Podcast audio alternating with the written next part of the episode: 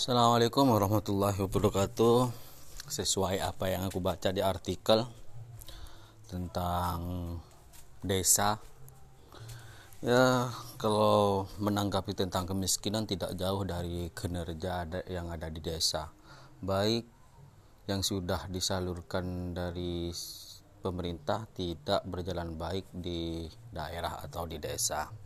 Yang pasti hal yang terbesar dampak yang terbesar kenapa tingkat kemiskinan di desa itu sangat banyak? Ya karena pemerintahannya atau yang mengelola desanya tidak jujur atau mengedepankan ego sendiri tidak mengedepankan kesejahteraan apa kesejahteraan rakyat. Karena kenapa? Yang pasti korupsi yang dikedepankan.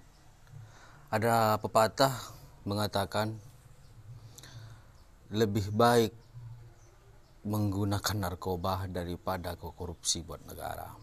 Karena kenapa? Narkoba hanya menyakiti diri kamu sendiri sedangkan korupsi menyakiti seribu orang di sekitar Anda.